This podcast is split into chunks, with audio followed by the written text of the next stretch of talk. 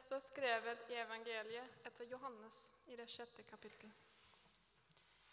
Mange av disiplene hans sa da de hørte det, dette er harde ord, hvem kan høre på slikt? Jesus visste med seg selv at disiplene hans murret på grunn av dette, og han sa, Gjør dette at dere faller fra? Hva så når dere ser Menneskesønnen stige opp dit hvor han var før? Det er Ånden som gjør levende. Kjøtt og blod duger ikke. De ordene jeg har talt til dere, er ånd og liv. Slik lyder Herrens ord.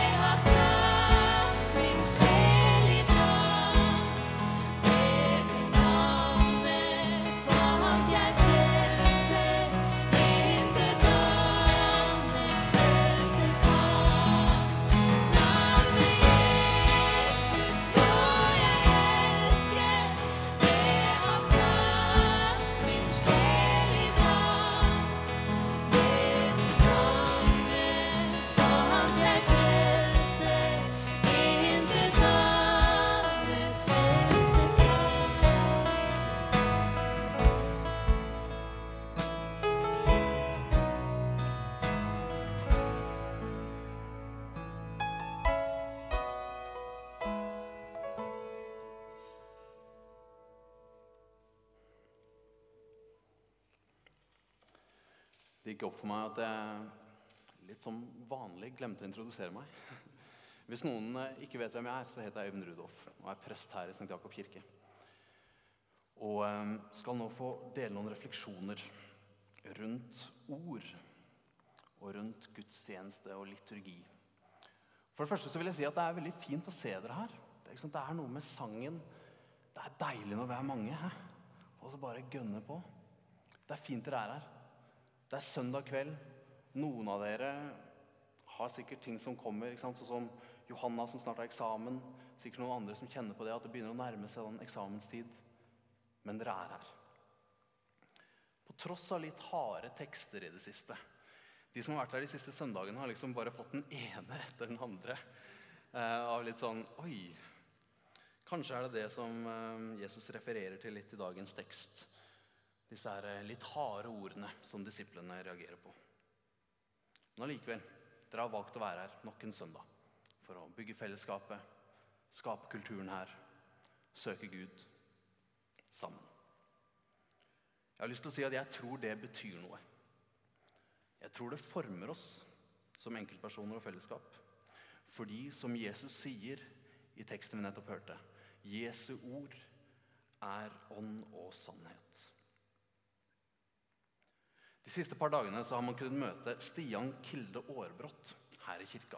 Først på et foredrag på fredag, så hadde han asfaltretreat her i går. Um, og han utfordrer oss med utgangspunkt i moderne hjerneforskning. Og sier at Prøver å si noe om det kunsten å forme livet. Han sier at hjernen vår viser nervevitenskapen at hjernen vår er plastisk. Altså, Den kan formes. Vi kan trene den som en muskel. Og hjernen formes av det vi gjør. Om vi gjør noe mange ganger, så blir det etter hvert lettere. Det blir en slags refleks om vi trener hjernen som en muskel.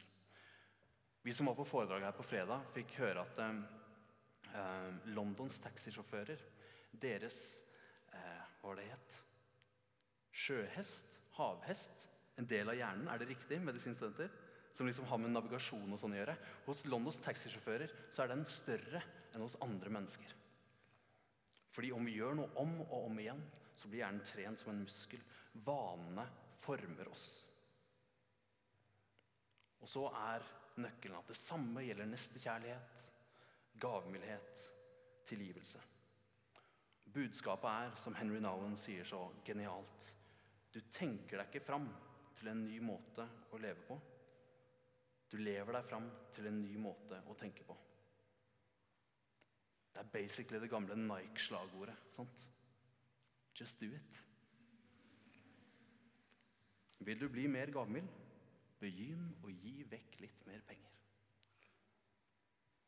Det er Stian Kilde Aarebrots kjepphest. Kristen tro er praksis. Og han sier det handler om å la Jesus prege hverdagslivet vårt. Og trene de hverdagslige handlingene. Og det handler om å gjøre kristne praksiser som f.eks. gudstjeneste. Og når jeg hører det, så tenker jeg litt sånn uh, Ok, ja, trene hjernen til å elske. Det er, jo, det er jo lett å se verdiene i det. Bli litt mer gavmild, være et litt bedre menneske. Det, det ville jeg ikke hatt noe problem med å selge til mine ikke-kristne venner. Ja, Jeg er kristen fordi det gjør meg til et bedre menneske. Jeg ønsker å gjøre verden litt bedre. Sant? Men gudstjeneste Hva er egentlig greia? Hvordan former det oss? til å bli sånn Jesus er. Hvordan hjelper det at vi kommer sammen, og det er fint å synge sanger, og sånn, men så bruker vi disse fancy orda. Nåde og synd og nattvær. Til og med intinksjon, sier vi, som et sånn fancy ord for dypping. Gudstjeneste. Vi gjør det gang på gang. Det er jo fint. Men hvem hjelper det? Har det noe å si? Jeg vet ikke om dere har stilt dere det spørsmålet før, eller om jeg er litt sånn ubehagelig, eller om dette er noe dere er helt ferdig med. Men greia er at jeg har stilt meg det spørsmålet mange ganger. Uh, gudstjenesten, og kanskje spesielt liturgien og de fancy orda, var en av hovedgrunnene til at da jeg studerte teologi i Oslo, så sa jeg hver gang noen spurte meg liksom, ja, hva skal du gjøre, nei, jeg sa jeg skal i hvert fall ikke bli prest. jeg syns det var litt kjedelig. Selv om bønn og sang og sånn var fint, så irriterte jeg meg litt over denne liturgien. De der fancy, litt sånn for show, vanskelige orda. Jeg så ikke helt poenget. Så skjedde det noen ting, og så fikk jeg en jobb i Bergen, så jeg flytta hit. Og så ble jeg prest i en kirke som het Sankt Jakob. og så var plutselig jobben min å gå på gudstjeneste hver søndag. Eh, eller i hvert fall annenhver, og så begynte jeg å gå hver søndag. Og så ble jeg forma av den vanen. Og nå kan jeg med hånda på hjertet si at jeg finner en dyp verdi, mening, i gudstjenesten. Ja, og ja, kanskje spesielt i selve liturgien og de fancy orda. Det handler om at ord skaper sannhet. Når de sies, når de leves, og når de fylles med ånd. Jeg skal gå gjennom disse tre liksom, underpunktene litt sånn systematisk. Ord skaper sannhet når de sies. For å si noe om det så må jeg dele noe som jeg har tenkt på siden jeg hørte det på en podkast for sånn seks-sju år siden. Eh, da hørte jeg på en episode av Radiolab. Jeg vet ikke om noen har hørt på det. De hadde en episode om farger. Og så eh, snakka de om at farger i alle språk, det blir, kommer til Altså språkutvikling. Det kommer flere og flere ord i et språk. Og ordene for de forskjellige fargene kommer alltid i en bestemt rekkefølge. Først så kommer svart og hvitt. Det kommer først. Så får du ordet på fargen rød. Så får du gul og grønn. De er liksom om hverandre. Og så alltid etter det kommer ordet blå. Og det finnes at I en del gamle skrifter så har vi ikke ordet blå i det hele tatt. De beskriver ingenting som blått. For i Homer sine verk så finner vi ikke ordet blå. Og De lurer på om dette kan ha hatt med å gjøre at, um, at man ikke finner blå like naturlig. Eller det er ikke like lett å lage. Um, like lett å framstille med det man har i naturen. Så dermed så trengte man kanskje ikke det ordet for blå.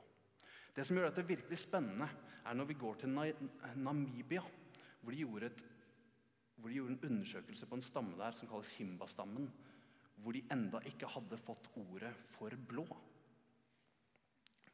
Og så ga de dem denne sirkelen. Og så sa de pek ut den som er annerledes. Og de syntes det var sabla vanskelig. De sleit med å treffe, for det skilte seg ikke så ut. Alright? For oss er det ganske klart hvilken, ikke bare fordi han ringer rundt seg. De, de, fleste klarte det, men de gjorde mange feil først. Før de begynte å se det. Så viste de denne. Um, se hvilken som har en litt annerledes grønnnyanse. Og de ja, dritlett. Det er den. Det er denne sirkelen rundt. Dere ser det sikkert ikke, for dere er ikke like trent i å se på grønt som denne stammen her. De har også flere ord for grønt. Det jeg prøver å få fram, er at det har noe å si hva vi har ord for. Hva vi er trent i å gjenkjenne av nyanser. Det gir oss noen knagger til å gjenkjenne verden sånn som den er. Ta et annet eksempel, litt mer moderne. Metoo-bevegelsen starter med at noen kvinner setter ord på seksuelle overtramp og overgrep og eksempler på maktmisbruk. Setter gjerne hashtaggen på det. Hva skjer? Jo, man får avdekka en sannhet som fins i samfunnet. Også blant noen som tidligere ikke hadde skjønt helt at det der er ikke greit. Men så fikk de et ord på det. Og så så de at du, når jeg tenker meg om, så den hendelsen der, det var jo egentlig maktmisbruk. Ord skaper sannhet når de sies. Og På samme måte så har de kristne ordene vært med å forme det som er vårt samfunn i dag. Vi ser det ikke kanskje så godt nå lenger. De aller fleste av oss har ikke opplevd å leve i noe annet enn et kristent samfunn. Men vi trenger ikke gå lenger tilbake enn sånn 1000 år så dreiv folk i dette landet og satte ut små barn i skogen fordi de skulle dø. Kanskje fordi de ikke hadde rett kjønn, eller kanskje fordi de hadde en eller annen sykdom. Og syke mennesker og eldre mennesker drev og kasta seg utafor klipper For å ikke være til bry, for å ikke være um, en byrde for samfunnet. Og så kommer Bibelen, Guds ord, og formidler at hvert enkelt menneske er skapt i Guds bilde. Umistelig, ukrenkelig for den allmektige Gud. Nei, drap er ikke greit, og det er en revolusjon. Ordet menneskeverd er nå blitt en grunnpilar i det samfunnet vi lever i. Litt sånn ironisk så kan vi si at ganske mange hadde slitt med å si ja, hva er det som gjør mennesket så verdifullt i dag, egentlig? Ja, nei, menneskeverd. Ja, men hva ligger bak? Jo, det er skapt i Guds bilde. Noen av de kristne kjerneordene er fundamentet i vår kultur og vårt samfunn. Noen andre av de kristne kjerneordene har vi mista litt av syne. Og Noe av det jeg syns er mest inspirerende med å jobbe med Bibelen og være i en kirke, er at jeg tror at vi lever i en tid som tørster, som lengter etter en del av disse kristne kjerneorda. De orda som vi lever i på en gudstjeneste. Altså, vi trenger ordet synd. Ja, fordi den hjelper oss å sette ord på det vi har av personlig synd, og det som er ondt i oss. Men synd er mye mer. Det sier også noe om at verden er delvis knust. Lidelse, smerte, det er en del av livet. Ordet synd hjelper oss å snakke ærlig om livet. Hjelper oss til å leve vanskeligere. Hvis noen husker jeg snakka om det for to uker siden. Og det er i sterk kontrast til det samfunnet ellers sier. De mange glansbildene, instapostene, lev enklere-oppskriftene som vi blir bombardert med. Ordet synd hjelper oss å snakke sant om livet. Og Vi trenger et ord som forvalteransvar, som sier at vi er gitt et ansvar. Ikke for å forbruke naturen som omgir oss, men for å forvalte den, ta vare på den. På vegne av skaperen. Forvalteransvar. Det gir verdi til hver centimeter av skaperverket. Og det påbyr oss å ta vare på det. Vi trenger et ord som nåde. I et samfunn hvor vi slår knallhardt ned på de som skulle trå feil på en eller annen måte. Kanskje aller mest oss selv, hvis vi ikke lever opp til de skyhøye idealene og kravene som vi legger på oss selv, og som samfunnet legger på oss. Shit, vi trenger nåde, altså. Å tro at vi er elska som vi er. Uten å prestere. Og bare kjenne at vi hører til uansett. Kort sagt Jeg sa at jeg kunne fortsatt, men jeg skal slutte der. Vi, kort sagt, vi trenger ordene fra Bibelen. Vi trenger Guds ord. I Papua Ny-Guinea skulle de oversette Bibelen til et språk der. Og i dette språket så hadde de ikke noe ord for tilgivelse. Altså, Det samfunnet de da kom til, de praktiserte ikke tilgivelse. Hvis det da overtramp eller det som skjedde, den måtte dra fra byen for alltid. Og på den måten kaste skam over den som hadde gjort det gærne. Men disse bibeloversetterne skulle jo oversette Bibelen, og da trenger du tilgivelse. Så de var der i noen måneder, og så fant de til slutt et verb som betydde å gi noe betingelsesløst. Og Så kombinerte de det å gi noe betingelsesløst med et annet verb som de fant, som betydde å viske ut av sinnet. Og så foreslo de, for en som hadde opplevd noe urett mot seg, er det mulig å tenke seg at du gjør dette? At du ikke drar fra, byen, at du blir værende uten å kaste skam over den andre. Og at du gir det betingelsesløst, at du visker det ut av sinnet. Den utfordringen tok han, og så ble han værende. Han viska det ut av sinnet, han tok og ga det betingelsesløst. De smelta det sammen til ett ord. Og Denne mannen han ble etter hvert en av lederne blant de kristne i sitt lokalsamfunn. Sånn ble tilgivelse en mulighet i denne landsbyen i Papua Ny-Guinea. Ved at ordet skapte en ny sannhet, en ny mulighet. Og at ordet ble fylt av mening da de kristne begynte å praktisere det. Og da er vi ved det andre poenget av disse tre. Ordene kan endre hvordan vi ser verden. Gi oss noen knagger.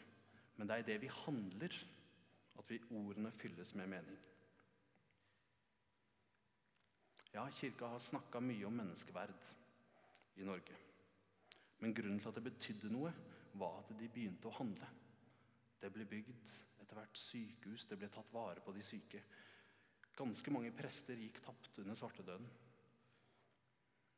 Fordi menneskeverd betyr noe.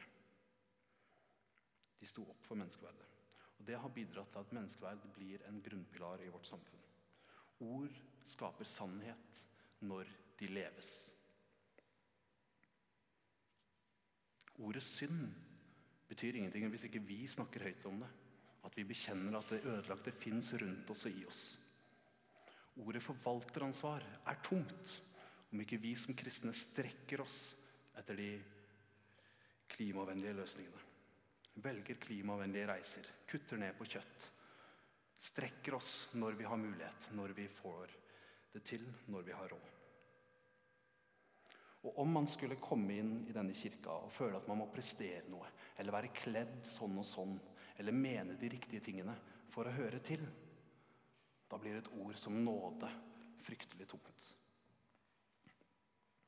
Handlinger fyller disse livsviktige ordene med mening. Men evangeliet, det gode budskapet, er at det starter ikke hos oss.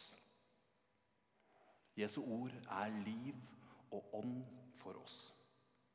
Og ord skaper sannhet når de fylles av ånd. Det er kanskje det jeg vil si er det viktigste med gudstjenesten. At det starter i Gud. At ved å samles her, bare dedikere en time hver uke, så minner vi oss på at det er ikke vi som holder denne verden oppe. Det er ikke vi som er verdens sentrum. Det er Gud. Det er i ham vi lever, beveger oss og er til. Det er Gud som skaper ved ordet og fyller verden med sin ånd. Kristen tro handler om å gjøre, om å forme livet. Men det starter i hva vi lar Gud gjøre for oss. Hva vi lar Han skape i oss. Hver uke er vi invitert til akkurat det. Å la Gud forme oss. På gudstjeneste, i liturgien, i ord og handling, så øver vi oss på å elske. På å tilgi. På å være nådige. Og vi starter med at vi lar Gud gjøre det for oss som en vane. Jeg tror vi er mange her som kunne tenkt oss dette, å lære oss kunsten å forme livet. Hadde ikke det vært deilig? Mm -hmm. Skal vi tro hjerneforskningen, så ligger nøkkelen i vaner. Og jeg vil påstå at den beste av vaner er gudstjeneste på søndager. Med liturgi og fancy ord og salmer og bønner. Fordi ord skaper sannhet når de sies, når de leves, og når de fylles med ånd. Da har de kraft til å endre verden. Ønsker du å tro? Ønsker du å la deg forme av Jesus?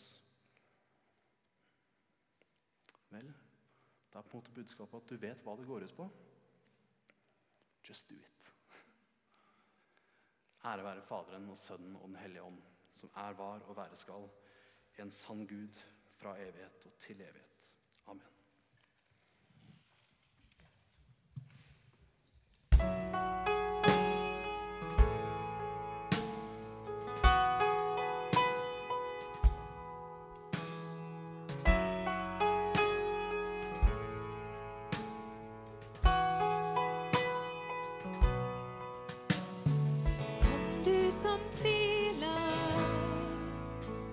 Kom du som tviler, du som